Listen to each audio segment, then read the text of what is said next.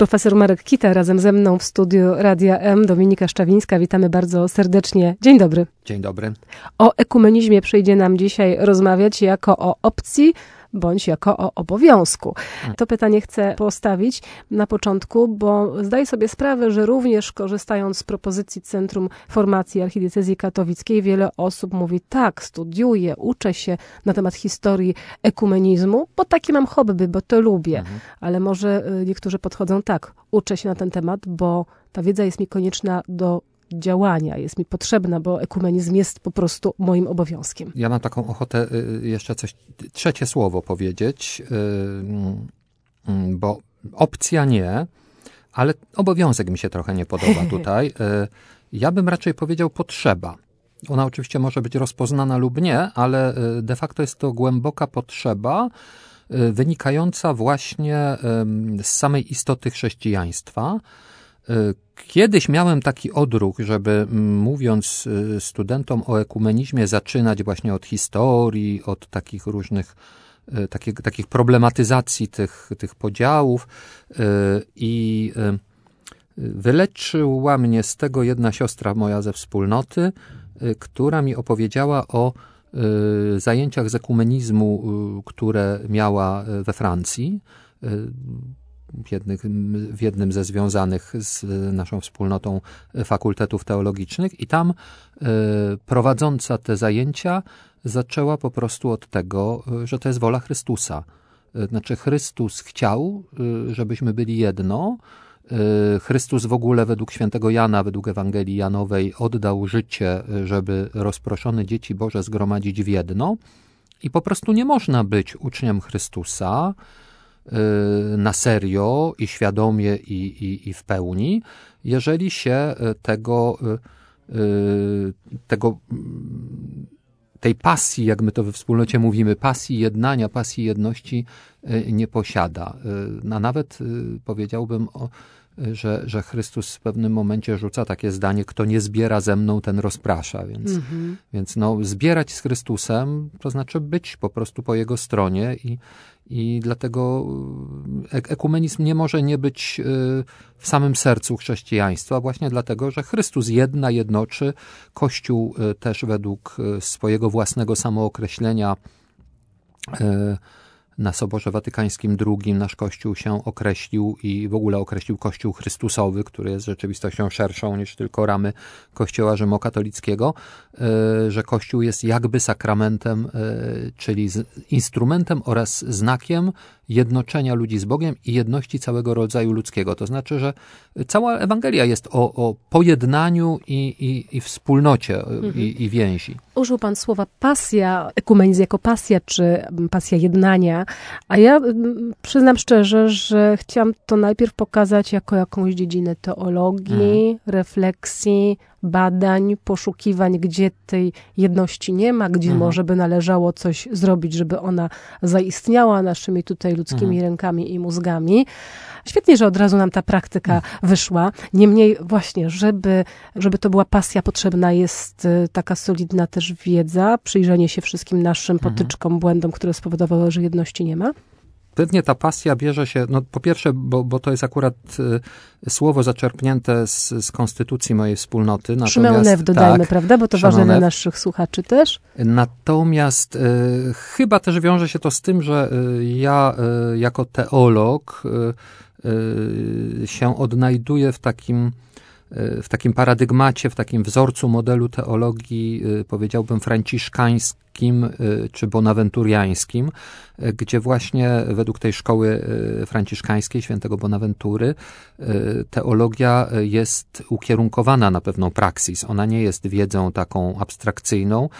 Teologię uprawiamy ud bonifiamus et salvemur, żebyśmy stali się dobrzy i się zbawili.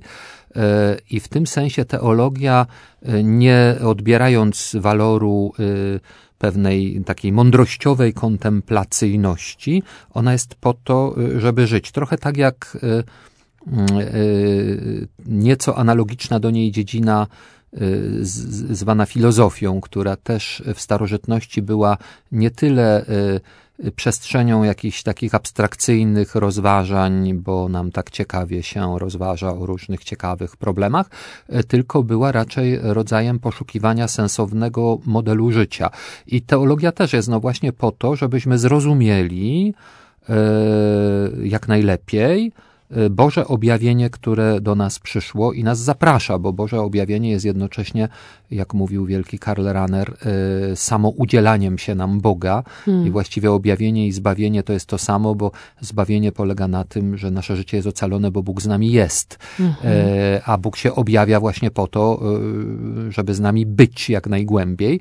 E, jeśli to tak jest, no to, no to e, o, oczywisty sposób, że trudno teologię, to też jest taki rys bonawenturiański, trudno teologię uprawiać bez pasji. To ja się właśnie taką obawą tutaj podzielę, dlaczego pytam w ogóle o to, czy ta teologiczna refleksja na temat ekumenizmu jest potrzebna nam do działania, bo mam wrażenie, że właśnie w tej kwestii przyglądania się, na jakim etapie tego procesu e, jednania, zbliżania, rozumienia się nawzajem, w ogóle dialogu ekumenicznego jesteśmy, że nagle się okazuje, że można tak się w to zagrzebać, w tą teologię, hmm.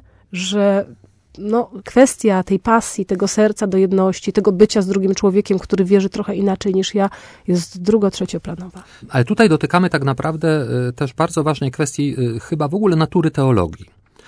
Dlatego, że teologia mm, z jednej strony jest taką dziedziną swego rodzaju wiedzy i refleksji, y, pewnej, pewnej, pewnego bagażu y, tego, co wiemy, co ustaliliśmy i tego, y, jak, jak interpretujemy dane.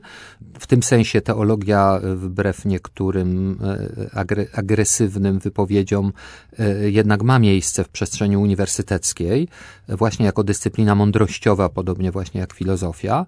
Natomiast to nie jest cała prawda o teologii, jeśli ona ma być teologią. To znaczy, teologia y, nie może być oderwana od jakiegoś komponentu egzystencjalno-duchowego, bo inaczej staje się takim rodzajem trochę jałowej erudycji i, i znaczy można, bo, bo, to, co pani powiedziała o tej, o tej możliwości, no właśnie, takiego zagrzebania się w tym, jak to się historycznie chrześcijanie dzielili, jak,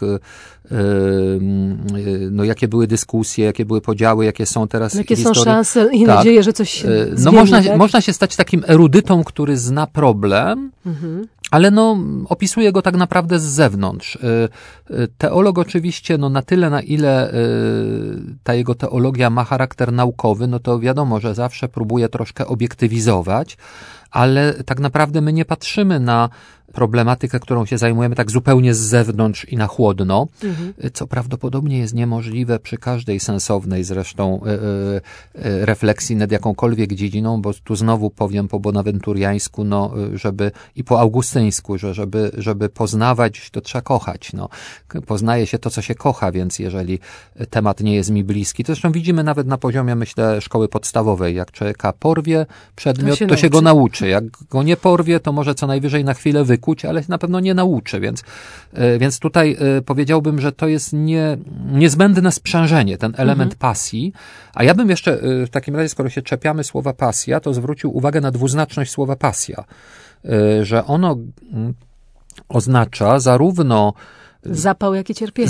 zarówno zapał, jak i cierpienie. I akurat w kontekście ekumenizmu to widać bardzo mocno. Mhm. Znaczy, człowiek, który ma zapał do y, jakiejś pracy ekumenicznej, to jest też człowiek, który ma w sobie cierpienie z powodu tego, y, że jest psute dzieło tego, który przyszedł jednać. To Brak znaczy, jedności nie może nie boleć. Tak, i, i, i mało tego, on jest w wypadku chrześcijaństwa y, jakimś uderzaniem w serce, tego, co przyniósł Jezus, bo Jezus naprawdę przyszedł nas pojednać z Ojcem i pomiędzy sobą.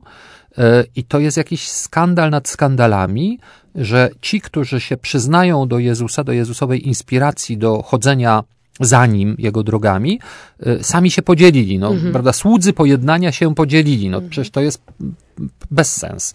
Ile można wypracować intelektualnie takim właśnie po prostu myśleniem, uważnym czytaniem Ewangelii i analizowaniem tego, co tam jest napisane?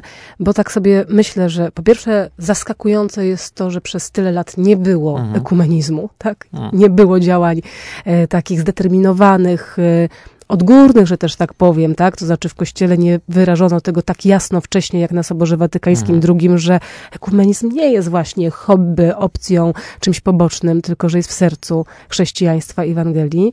No jest to pytanie, ile można intelektualnie wypracować i dlaczego wcześniej tego nie wypracowano i ile teraz po tej pracy intelektualnej się spodziewamy, bo było mhm. na początku tak, że wow, wow, daje, dajemy radę, coś się dzieje, a nie wiem, czy dobrze diagnozuję, czy nie, ale znowu jest jakby takie, że ach, już e, wszystkie nasze siły zawiodły, co się dało powiedzieć o mhm. jedności, powiedzieliśmy i co dalej. Tak trochę od końca zaczynając, y, to jest tak, że y, to było bardzo piękne, ten, ten entuzjazm taki w okolicach samego Soboru Watykańskiego II, ale okazało się, że jak się coś psuło przez lat tysiąc lub pięćset, E, to się tego w 50 lat e, mhm, ciężko naprawia. Mhm. Czy to w ogóle da się? I to jest jedna historia. Druga rzecz, która się z tym wiąże, z tym dlaczego jest tak, jak jest. E, pewnie dlatego, że w ogóle ten Sobór Watykański II był epokowy, ale y, on był epokowy jako pewien początek zmiany epoki. To, co dzisiaj mówi papież Franciszek, że nie żyjemy w epoce zmian, tylko w zmianie epoki. Zmiana epoki oznacza, że bardzo niewiele, o ile cokolwiek, zostanie tak samo, jak było. Hmm. Będą bardzo głębokie przemiany, one już się dzieją, a ponieważ y, no, jest w nas pewna inercja, to, y, to się trochę to nam to trochę nie wychodzi. Znaczy, mówiąc y, skrótem myślowym ewangelicznym, y, nowe wino trzeba lać do nowych bukłaków. Jeśli próbujemy je lać do starych bukłaków, to nie wychodzi. Y, jeśli próbujemy myśleć po, kościelnie po staremu, tak jak przyzwyczailiśmy się do tej epoki, to nie, prawdopodobnie nie przyjmiemy Bożego daru jedności, bo trzeba pamiętać, że to jest dar. To jest koinonia Ducha Świętego, to jest wspólność, wspólnota Ducha Świętego i to jest dar od Boga, to, że jesteśmy y, jednością. Natomiast myśmy to zamącili, y, i na powierzchni porozrywali. Gdzieś do końca się tego porozrywać nie da, bo, no bo nie można być całkiem rozdzielonym, jeżeli się na serio y, jednak jakoś nawiązuje do Chrystusa. My jesteśmy z jednej rodziny, tragicznie podzieleni, ale jednak z jednej mhm. rodziny. To mhm. pokrewieństwo cały czas trwa. I to nie jest pokrewieństwo takie słowne, ale, ale gdzieś z głęboko z natury. E, z natury tej łaski, którą wszyscy żeśmy przyjęli. Jakby natura łaski jest taka, mhm. że ona nas wszystkich ogarnia bardzo dogłębnie. Ale co się z nami działo, że przez wieki całe zupełnie nie myśleliśmy, no to, że to w kategoriach łaski można pojmować, że, żeby być mhm. z tymi, którzy się odłączyli, którzy są heretykami i tak dalej. Że... No więc właśnie kłopot jest trochę z samą tą kategorią odłączania, bo mm, i z y, naszym podejściem do prawdy. Mhm. Znaczy, mówiąc o tych e, zmianach e, epokowych, myślę na przykład o tym, że, pra, że wychodzi na to, że trzeba by nam zrewidować bardzo głęboko całe dotychczasowe rozumienie pewnych ważnych, ważnych prawd, reguł, cech Kościoła i chrześcijaństwa, które jednak przez wieki rozumieliśmy, powiedzmy, albo niedokładnie, albo wręcz błędnie. E, oczywiście tu ktoś e, mógłby i może, i pewnie może nawet słuchając, e, poczuł się teraz zaniepokojony ktoś, że no to znaczy, że no przecież wiara powinna być niezmienna, prawda? Jest raz na zawsze dana świętym, jak mówili Stiudy, Mm. I, I też wiadomo, gdzie jest ten, kto ma rację, a gdzie jest ten, który zbłądził i dlatego ja używam tego słowa No właśnie, kłopot jest w tym, tak, kłopot jest w tym, że nam się wydaje, że wiemy, kto ma rację, a kto zbłądził i to jest trochę pytanie, czy naprawdę umiemy się nawrócić i powiedzieć, że tylko Chrystus ma rację. A każdy z nas ma rację o tyle, o ile. E, święty Paweł mówi, jest takie zdanie w pierwszym liście do Koryntian, które jak je odkryłem, to je bardzo polubiłem, bo jest bardzo użyteczne w tłumaczeniu o co tu chodzi w tym ekumenizmie. Święty Paweł mówi w pewnym miejscu, y, y, jeśli nawet ci się zdaje, że coś wiesz, to jeszcze nie wiesz, jak to wiedzieć. Mhm. Y, ja to sobie tłumaczę na przykład tak, jeśli nawet przyjmujemy, że w Kościele rzymskokatolickim mamy komplet prawdy, to jeszcze pytanie, czy my nią naprawdę żyjemy, czy my ją przetrawiliśmy, czy my w nią głęboko weszliśmy i tu ewidentnie nie.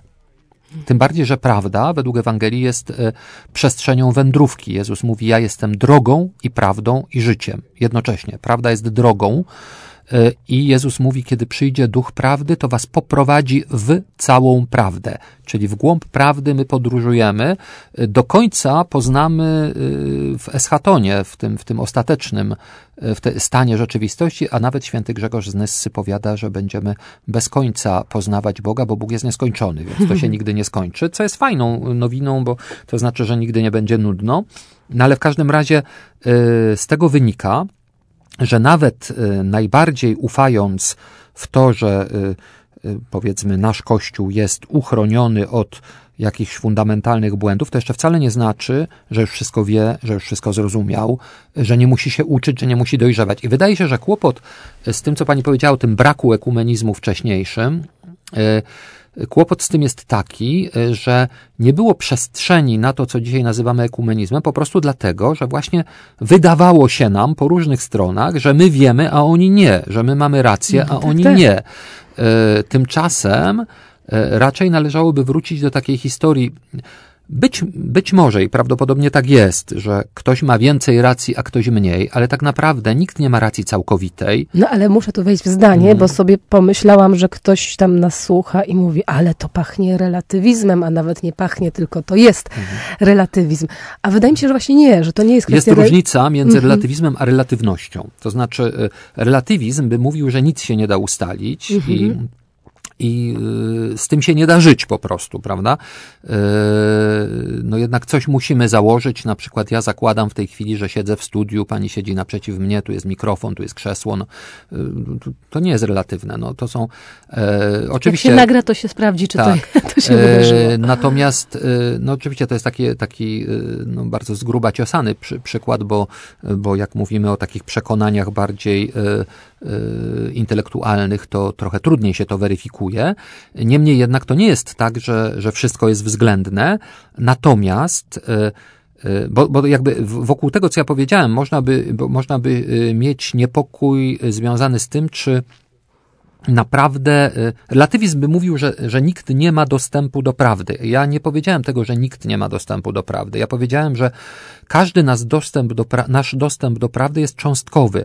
Święty Paweł powiada, po części tylko poznajemy i po części prorokujemy. I że to zweryfikowane zostanie nie przez nas, nie tylko, przez nas. prawda, na Dokładnie końcu. tak, mhm. więc oczywiście, i to jest trochę tak jak z sumieniem, nie? że y, sumienie też y, musi być wychowywane, ale trzeba się trzymać tego, którego się ma w tej chwili.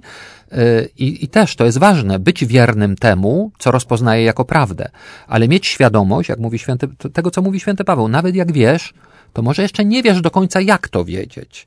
Y, I zawsze jest przestrzeń mm, do tego, żeby czegoś się nauczyć, bo kłopot jest taki, że wcześniej mówiono, no przecież my mamy prawdę, oni nie mają prawdy, to jedność będzie wtedy, jak oni wrócą do nas.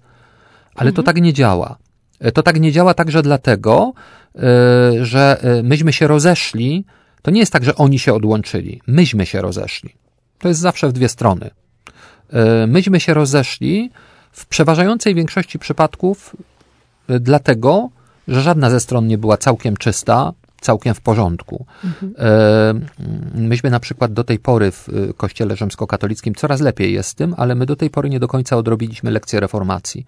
To, co nam bardzo słusznie chciał przypomnieć Martin Luther, że naprawdę jesteśmy zbawieni z łaski darmo przez wiarę w Jezusa Chrystusa. Mhm. I to nie znaczy, że nie liczą się nasze uczynki, tylko nasze uczynki są owocem wiary, a w ogóle to motorem wszystkiego jest łaska Boża, a nie moje wysiłki, bo moimi wysiłkami to ja nie wyciągnę się sam z błota e, własną ręką za, za włosy. Co gorsze dalej takie nauczanie u nas. A takie ma, nauczanie jest i to pokazuje, że Marcin Luther miał rację, że nam na to zwrócił uwagę i że niezależnie od wszystkich perturbacji później i różnych rzeczy, o które warto się pospierać, to jednakowoż pierwszy impuls informacji był, reformacji był cenny i właściwy i że myśmy tej lekcji do tej pory nie odrobili. Więc choćby tutaj pokazuje nam to, że mm, że mamy się czego uczyć, także my katolicy i że takie mówienie, jak jeszcze w epoce Soboru się mówiło, bracia odłączeni. Dzisiaj już y, mądrzy ekumeniści nie używają tego sformułowania, nie dlatego, żeby być politycznie poprawnymi, tylko dlatego, że ono jest po prostu nieuczciwe.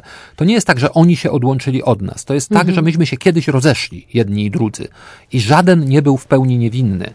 Obs mhm. Obserwuję dzisiejsze spotkania, zazwyczaj takie okazjonalne, tak mamy Tydzień Modlitw o Jedność Chrześcijan, czy właśnie rocznicę reformacji i środowiska teologiczne w Polsce, ale też takie właśnie, które na co dzień praktykują różne działania zmierzające do jedności, spotykają się, dyskutują, wygłaszają konferencje i tak dalej.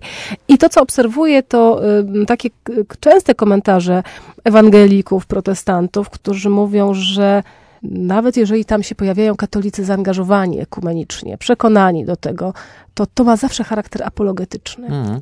I właśnie jakby to skomentować, że my nie e. potrafimy wyjść jakby z tej roli, mhm. no, którą tutaj żeśmy przez, przez ten parę ostatnich minut e, Tak, bo jeszcze jeden wątek wypadałoby tutaj poruszyć w ramach tego nawracania sposobu, w jaki my coś wiemy. Bo okej, okay, załóżmy, że coś wiemy, ale jeszcze jak nawrócić sposób, w jaki to wiemy.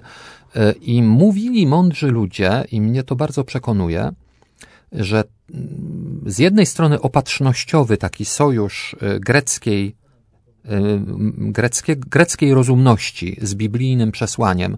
On był w pewnym sensie opatrznościowy, pomógł rozprzestrzenić chrześcijaństwo y, na ten świat y, naszej cywilizacji zachodniej, y, mówiąc umownie.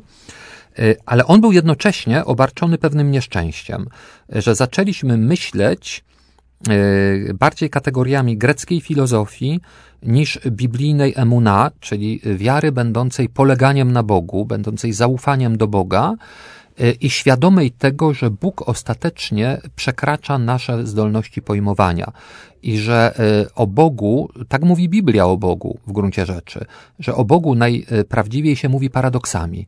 Mhm. Jak się chce ustalić e, bezbłędne twierdzenia, to jest zawsze obarczone pewnym uproszczeniem. I kłopot jest taki, że w logice takich uproszczonych sądów taki współczesny teolog i nauczyciel duchowości, ojciec Richard Rohr, franciszkanin amerykański, nazywa to, zaczerpując ten termin, co oczywiście niektórym może czerwoną lampkę zapalić, bo ten termin jest zaczerpnięty z myśli dalekowschodniej, z mądrości wedyjskiej, nazywa to myśleniem dualnym lub niedualnym. Znaczy, myślenie niedualne jest takie, które potrafi zauważyć, E, że nie zawsze jest A i B, a właściwie nawet najczęściej nie jest A lub B, tylko mhm. jest jeszcze coś trzeciego, bo i w A jest coś z prawdy, i w B jest coś z prawdy, i, i, i że cała prawda e, da się, i to nie chodzi, nie, nie chodzi od razu, uprzedzę, nie chodzi o heglowską syntezę tezy i antytezy, tylko chodzi o coś jeszcze innego. E, dla mnie kiedyś było takim mocnym e, oświeceniem, jak e, luterańska teolożka mm, i biblistka pani profesor Kalina Wojciechowska powiedziała w prelekcji, której słuchałem, zwróciła uwagę na coś, co niby wiedziałem, ale nie zwróciłem uwagi, że w Sanhedrynie, Najwyższej Radzie Żydowskiej w czasach Jezusa i apostołów zasiadali wspólnie saduceusze i faryzeusze, którzy mieli kilka radykalnie rozbieżnych poglądów teologicznych, co im nie przeszkadzało uznawać się nawzajem za Żydów, wspólnie czcić Boga, spierali się, ale nie odmawiali sobie prawa do nazywania się Żydami, do mhm. bycia Żydami. Myśmy w pewnym momencie zrobili coś takiego, że o stwierdzenia zaczęliśmy się zabijać. Bo myśmy, mam wrażenie, potraktowali wszystkich innych trochę jak Żydzi traktują Samarytanów, prawda? No właśnie, właśnie Chociaż Boga tak. tego samego też mają o, przecież, Tak, właśnie, właśnie jakoś tak. I to znowu nie chodzi o to, bo powiedziałem o to zabijanie się o słowa. To nie chodzi o to, że słowa nie mają znaczenia. Słowa mają znaczenie, e, i e, musi istnieć taki e, jakiś element, który starożytni chrześcijanie określali tym, tym adagium i necessaris unitas. W tym, co konieczne, mhm. mamy być jedno.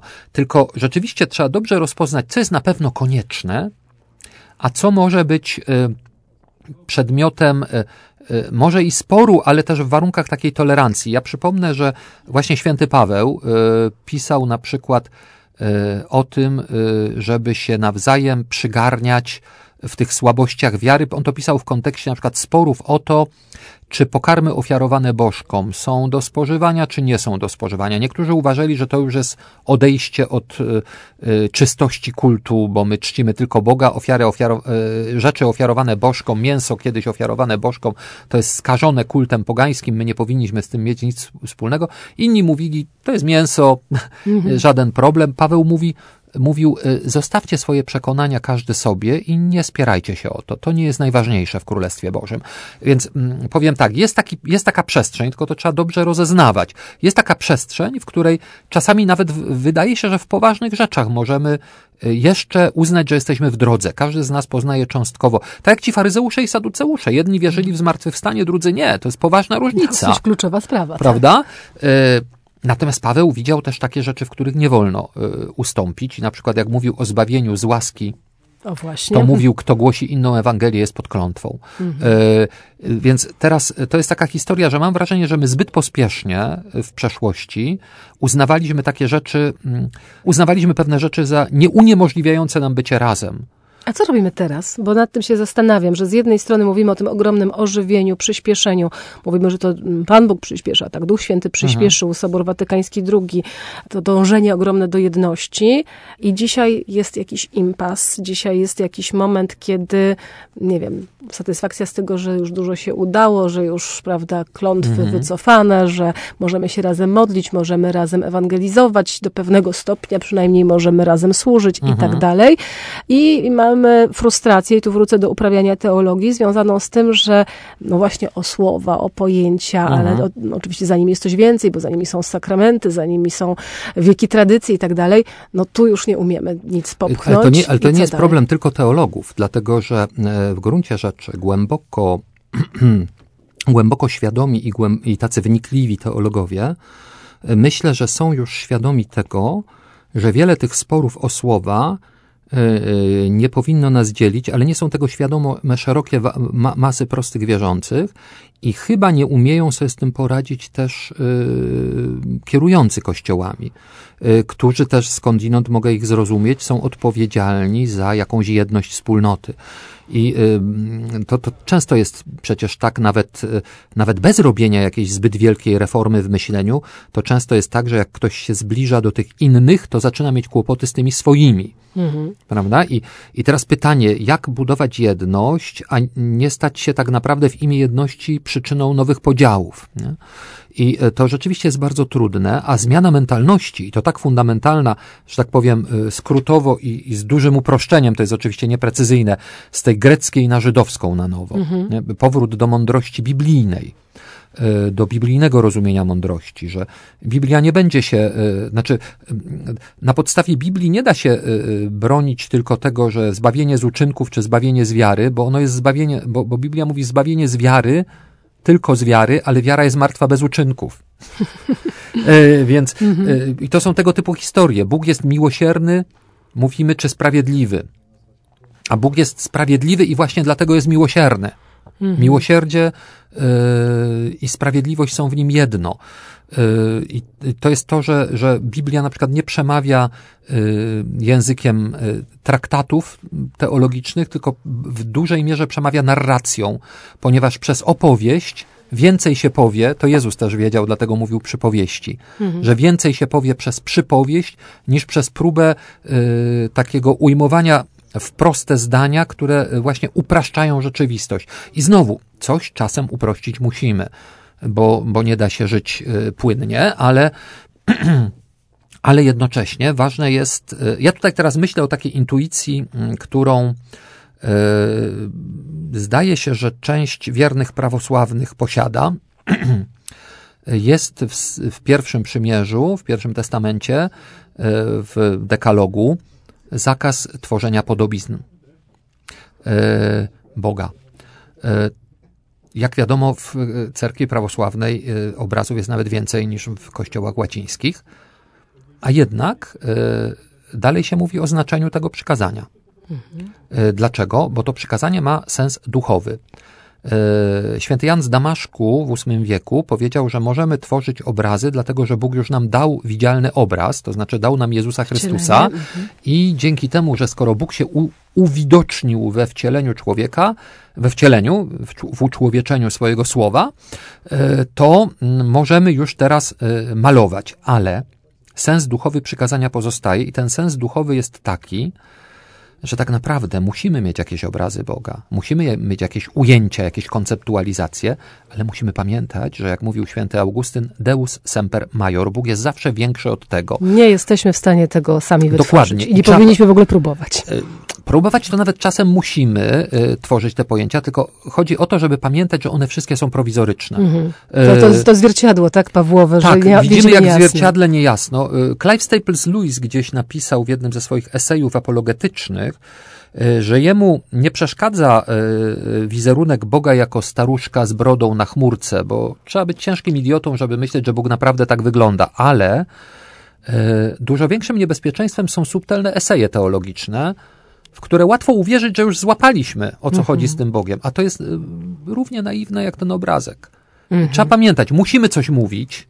Jest taka mądrość w klasycznej teologii, polegająca na tym, że, że wyróżniamy i wiemy, że one muszą się przeplatać. Teologia katafatyczna, czyli pozytywna, czyli twierdząca, coś I orzekająca, i, te, i teologia negatywna, apofatyczna, zaprzeczająca, taka, która próbuje powiedzieć coś o Bogu pozytywnego, coś kim jest i, i, i czym i, i jaki jest, i taka, która mówi bardziej kim nie jest i jaki nie jest, i one muszą stwarzać taki warkocz razem, bo bez teologii pozytywnej nie moglibyśmy Boga czcić, jak mówił Mikołaj Kuzańczyk, ale z kolei bez teologii negatywnej moglibyśmy popaść w bałwochwalstwo naszych pojęć, pomylić nasze pojęcia e, z żywym Bogiem. Gdybyśmy o tym pamiętali e, zawsze, to łatwiej byłoby nam zobaczyć, e, że mm, z jednej strony znowu, tak, słowa są ważne. E, Tak, e, to do czego dochodzimy jako intuicję tego, co jest prawdą, są ważne i trzeba się tego jakoś trzymać, ale też trzeba pamiętać,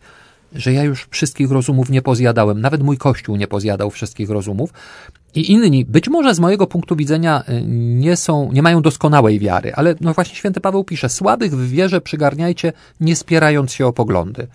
Y, y, Zaryzykuję taką historię, mm, zaryzykuję takie, takie, takie odwołanie do mm, sytuacji właśnie bardzo ekumenicznie y, napiętej, czy nawet wręcz właśnie mm, poprzedzielanej barierami, znaczy sytuacji, w której jesteśmy przedzieleni barierami.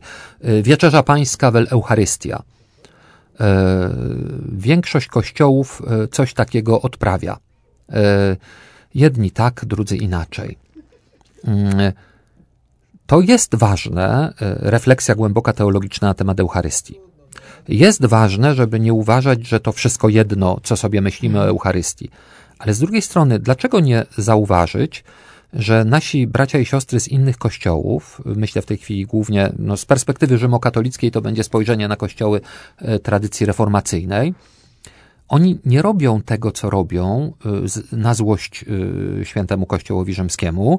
Oni nie robią tego z uporu, y, oni nie robią tego z jakiegoś swojego widzimisię. Oni to robią w dobrej wierze, w pełnym przekonaniu, że robią coś, co Jezus Chrystus nakazał robić swoim uczniom. Ja jako chrześcijanin nie wierzę, żeby Jezus był na to obojętny i żeby nie był tam w tym obecny. Czy tak samo jak w mojej Eucharystii. To są złożone sprawy. Ale mogę uznać Wieczerzę Pańską innych kościołów za realne celebrowanie Jezusa Chrystusa i Jego tajemnicy. Tak jak w danym momencie ta wspólnota to umie robić. Yy, I, i to już jest taki jakby powód, żeby się życzliwie w tym przyjmować, nie? Yy, a nie od razu twierdzić, że nie będę z tobą rozmawiał, bo u was nie ma Eucharystii. To jest zbyt proste. Mhm. Ja do pasji e, tej ekumenicznej chcę wrócić. Do, ekumenicznej to może jest źle powiedziane, do pasji, do budowania jedności, bo tak ufam i też się uśmiecham do Państwa, którzy być może skorzystacie z propozycji Centrum Formacji Archidiecezji Katowickiej, żeby studiować kwestie związane z ekumenizmem. No i pytanie po co, tak? Pytanie po co mi jest teologia, niosąca wszystkie narzędzia, o których dzisiaj też rozmawiamy, żeby żeby być skuteczniejszym w budowaniu jedności, żeby się lepiej nawracać. Bardziej z naszej rozmowy wyczuwam to, że to jest ten kierunek, że mamy, refleksja ma nam służyć do nawrócenia, a potem to się okaże, do, do czego Pan Bóg nas po tym nawróceniu No ra, raczej tak, dlatego że teologia w ogóle jest po to, żebyśmy y, y, stawali się świadomi e, objawienia, to znaczy stawali się świadomi tego, co Bóg do nas mówi y, i ostatecznie, bo Bóg właśnie to przede wszystkim do nas mówi, y, kim ten Bóg jest i do czego nas zaprasza. Y, I to się również realizuje w rzeczywistości, którą nazywamy eklezją. Wolę to greckie słowo niż to nasze wy, zwyczajowe kościół, chociaż no trzeba jakoś nazywać, więc okej, okay, kościół, tylko pamiętajmy, że kościół Mamy dzisiaj skojarzenie z Kościołem, że to jest jakiś rodzaj instytucji, że jest to jakiś rodzaj, przepraszam za słowo, reżimu, prawda, jakiegoś takiego, jakiejś takiej struktury władzy, struktury kontroli myśli, przekonań i, i zachowań e, podczas gdy greckie słowo eklezja oznacza zbiórkę, zgromadzenie e, zwołane Y, żeby być razem i coś razem y, rozstrzygać w Grecji starożytnej, a w wypadku biblijnym to chodzi o ludzi, którzy zostali zwołani razem, żeby być tą szkołą Chrystusa. Zostaliśmy zwołani przez Chrystusa do Jego szkoły, y, i jesteśmy nawzajem dla siebie braćmi i siostrami, współuczniami tego jedynego mistrza. No i teraz chodzi o to, żebyśmy naprawdę wracali do korzeni, starali się coraz lepiej rozumieć Boże objawienia, tutaj ważne jest też to, że długi czas, bo to jest też takie nieszczęście, które się stało z teologią, która też miała swoje etapy uprawiania. Mhm. E, tak jak na samym początku Kościoła to była taka teologia e, troszkę przypominająca gorącą lawę. Ona jeszcze mocno nawiązywała do bardzo żywej pamięci, do bardzo żywego świadectwa pierwszych świadków mm, objawienia w Jezusie. Y, bardzo nawiązywała do tego żaru Ducha Świętego, który był właśnie taki świeży, chociaż żar Ducha Świętego dalej jest świeży. E, tylko trzeba go znaleźć. Y, I potem była taka teologia mądrościowa i wtajemniczająca ojców Kościoła, którzy właśnie starali się prowadzić tych swoich wiernych ku kontemplacji. Naj, najpiękniejsze teksty teologiczne ojców Kościoła nie są dysertacje pisane, żeby uzyskać stopnie naukowe, tylko to są homilie, to są katechezy.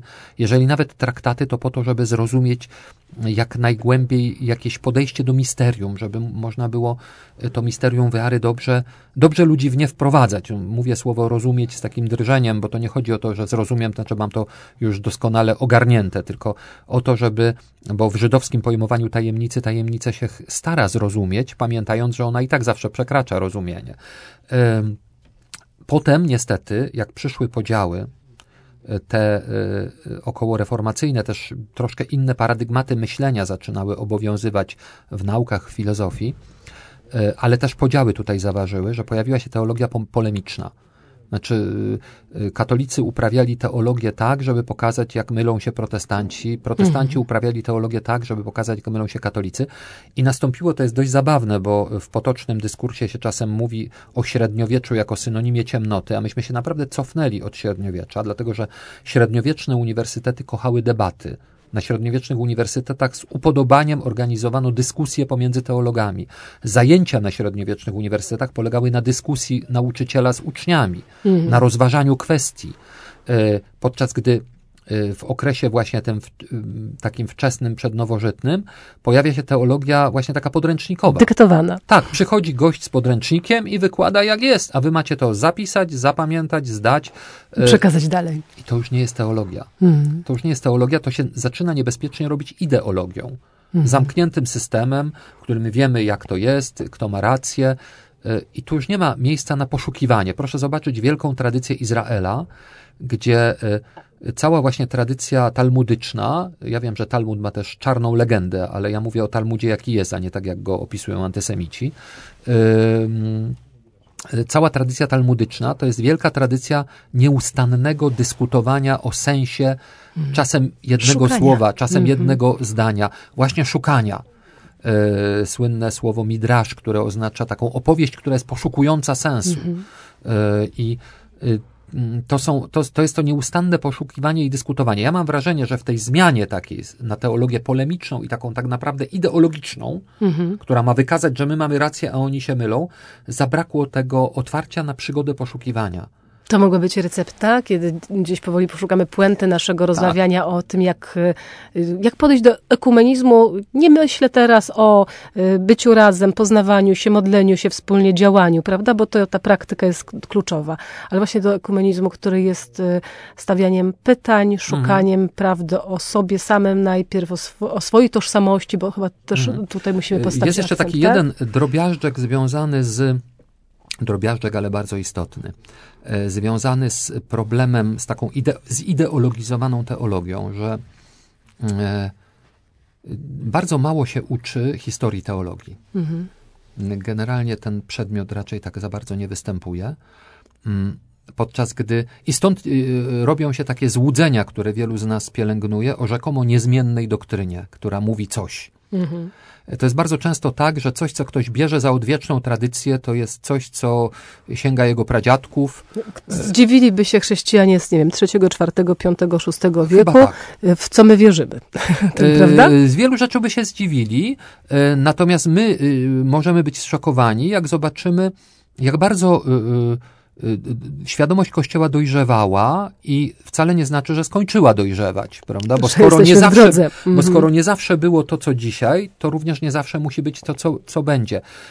Y, świętej pamięci, właściwie to już w tej chwili święty kanonizowany Kościoła katolickiego John Henry Newman wprowadził, i to z oporami, pojęcie historii dogmatu, i, ale również proponował takie narzędzia rozpoznawania, co jest taką złotą nitką, która jest pewnym e, kontinuum, e, a, co, się, się zmienia, bo to nie jest tak, że wszystko się mhm. totalnie zmienia, ale to, to, to też jest tak, e, że naprawdę bardzo rozmaite rzeczy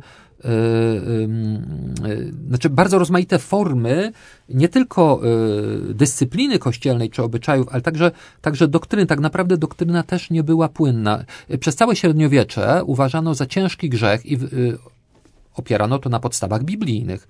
Pożyczanie pieniędzy na procent. Bankierzy byli grzesznikami publicznymi. Mhm. Przecież dzisiaj tego już nie, nie, nie uczymy.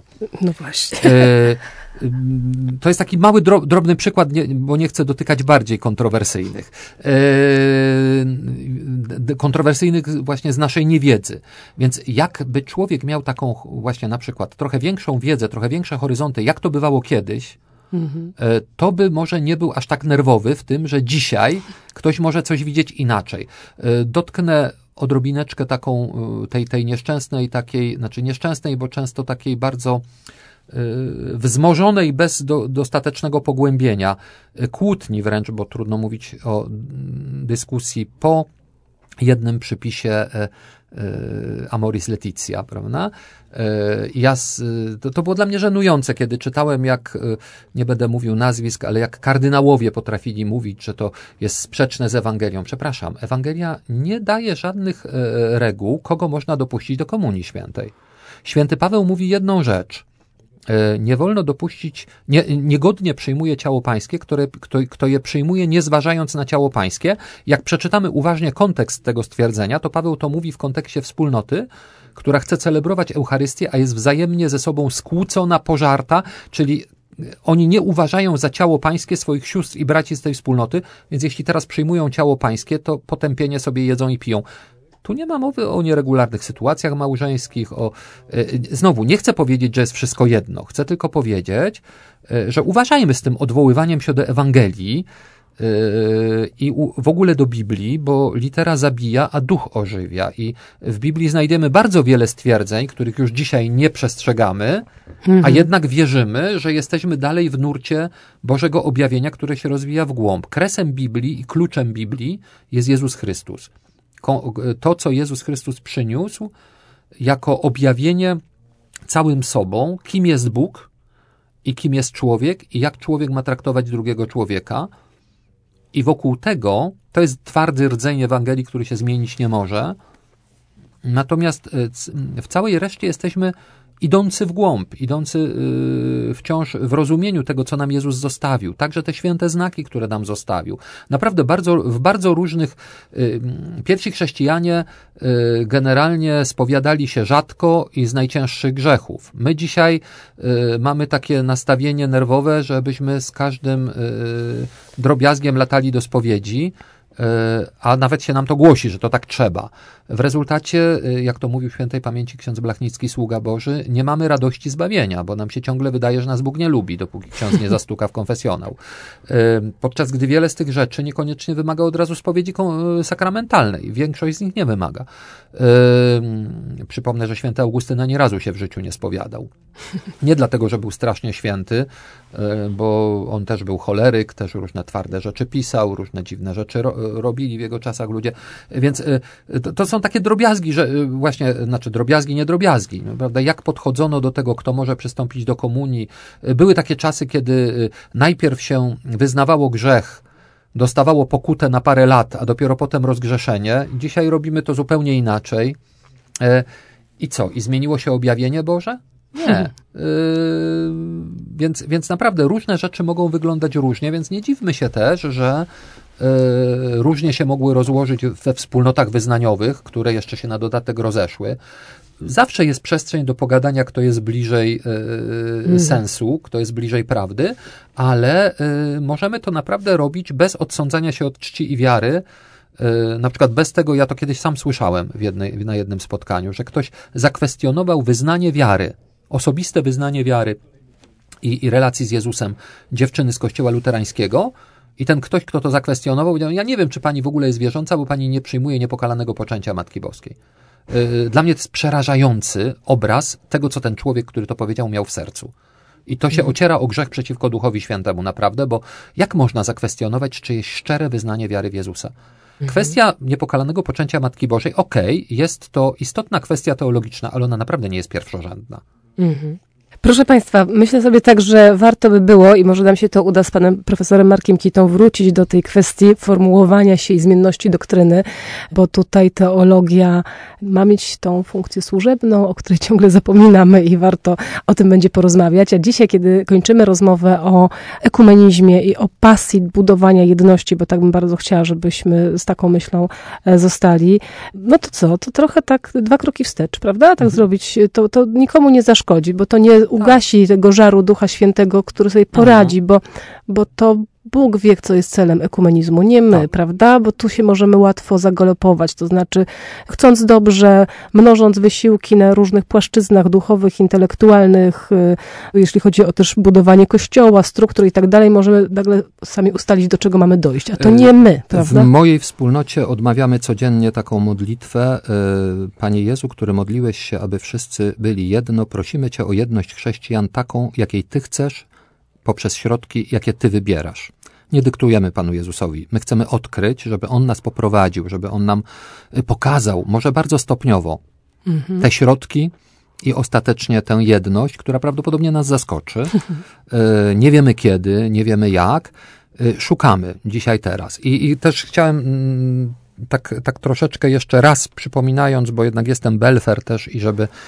Się utrwaliło. Żeby, ale też, żeby nie wprowadzić w błąd, nie? Mhm. że naprawdę nie chodzi o relatywizm. To znaczy to, do czego jesteśmy przekonani, powinniśmy się tego trzymać, dopóki jesteśmy o tym przekonani, ale to nie znaczy, że nie możemy badać, czy nie dałoby się tego zrozumieć głębiej. I być może by się okazało, że to, co mamy za niepokonalną sprzeczność, to jest tylko różne rozkładanie akcentów w czymś, czy się zasadniczo zgadzamy. I, i, to, I to naprawdę nikomu nie zaszkodzi. Prawda nie boi się y, pytań. I niech to będzie zdanie, które nam dodaje otuchy i nadziei, bo ja tutaj mocno mówiłam o tym impasie w dialogu ekumenicznym, czy w budowaniu jedności. Nie impas, ale nadzieja jest nam mm, potrzebna. Tak. Bardzo serdecznie za spotkanie i za rozmowę dziękuję. Bardzo dziękuję.